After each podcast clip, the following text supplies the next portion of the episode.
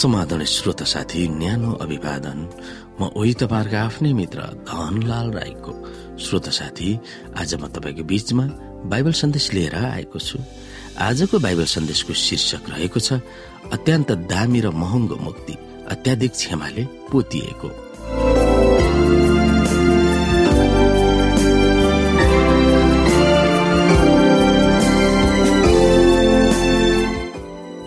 श्रोत साथी पावलका श्रोतावर्गहरूको जीवनमा पापको अन्धकारले ढाकिएको थियो। त्यसको शक्तिले तिनीहरूलाई माथ गरेको थियो। तिनीहरूको विगत जीवन मुर्दा जीवन बिताएर हिँडिरहेका थिए भनेर पावलले यसरी औल्याउँछन् तिमीहरू आफ्नो अपराध र पापहरूद्वारा मरेको बेलामा उहाँले तिमीहरूलाई जीवित पार्नुभयो। एफिसी दुई अध्यायको तिनी जीवितै थिए दैनिक जीवन तिनीहरूको चलिरहेकै थियो तर तिनीहरू शैतान वा आकाश शक्तिको आदेश अनुसार हिँडिरहेका थिए। तिमीहरू आफ्ना अपराध र पापहरूद्वारा मरेका बेलामा उहाँले तिमीहरूलाई जीवित पार्नुभयो। यिनैमा यस संसारको रीति अनुसार र आकाशको शक्तिको मालिक अनुसार अनाज्ञाकारिताका सन्तानमा अहिले काम गर्ने आत्मा अनुसार तिमीहरू अघि एकपल्ट चल्दै थियौ।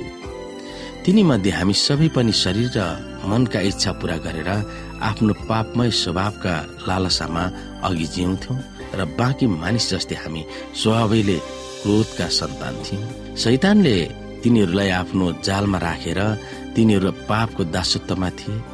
तिनीहरू आफ्नै शक्तिले शैतानको चङ्गुलबाट फुत्कन सक्दैनथे। तिनीहरूलाई उद्धार गर्नु परेको थियो। ख्रिस्टमा भएको परमेश्वरको अनुग्रहको क्रियाकलापद्वारा तिनीहरूलाई शैतानको प्रभुत्वबाट उद्धार गरिएको थियो।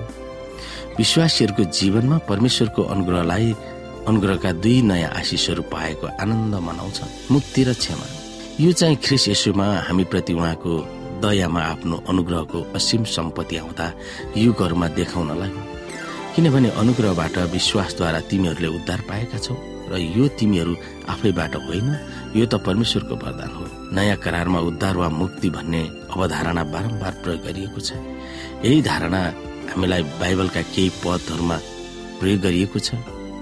जस्तो एफिसी एक अध्यायको सात र आठसँग ती पदहरूको समानता के छ?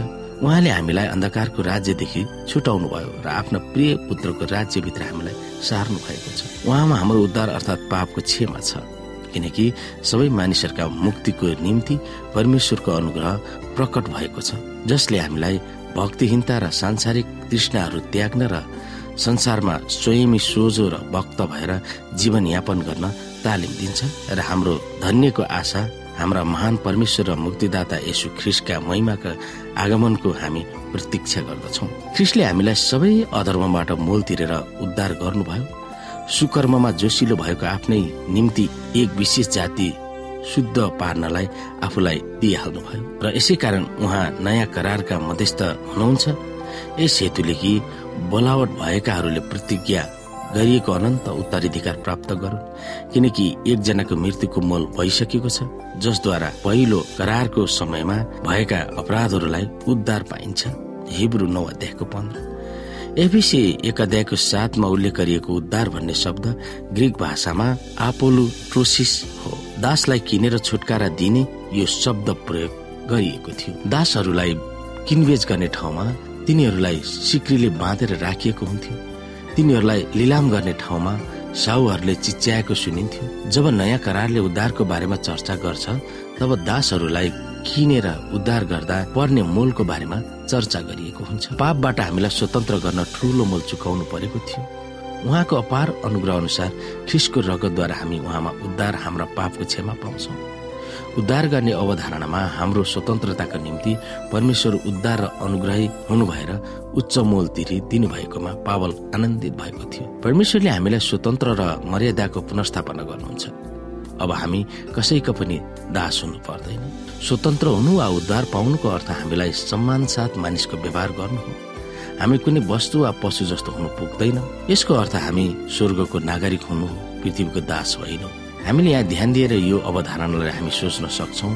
परमेश्वरले हाम्रो दासको मोल शैतानलाई तिर्नु भनेको अनौठो अवधारणा हो। बाइबलको हिसाबले त्यो मोल उसलाई तिर्नु आवश्यक थिएन। परमेश्वरले शैतान प्रति ऋणी छैन। परमेश्वरले उसलाई केही तिर्न आवश्यक छैन।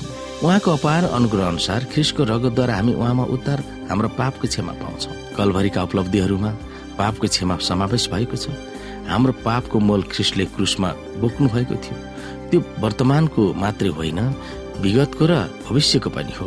हाम्रो विरुद्धमा रहेको तमसुक र त्यसका सबै कानुनी दावीहरूलाई क्रुसमा किला ठोकी रद्द गरिदिनु भयो उहाँले प्रधानताहरू र शक्तिहरूलाई निशस्त्र पारी ती सबैमाथि क्रुसमा विजय प्राप्त गर्नुभयो र तिनलाई खुल्लाम खुल्ला तमासा बनाइदिनु भयो ख्रिसद्वारा हामीलाई दिएको मुक्ति र क्षमाले परमेश्वर हाम्रो उद्धार पिता भएर काम गरिरहनुहुन्छ। उहाँको अपार अनुग्रह हामीलाई प्रशस्त मात्रामा खन्याउनु भएको थियो।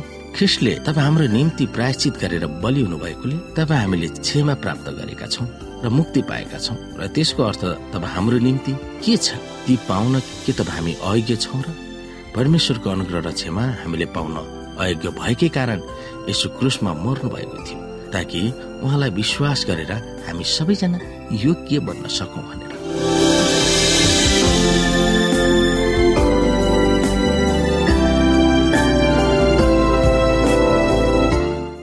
श्रोता आजको लागि बाइबल सन्देश यति नै।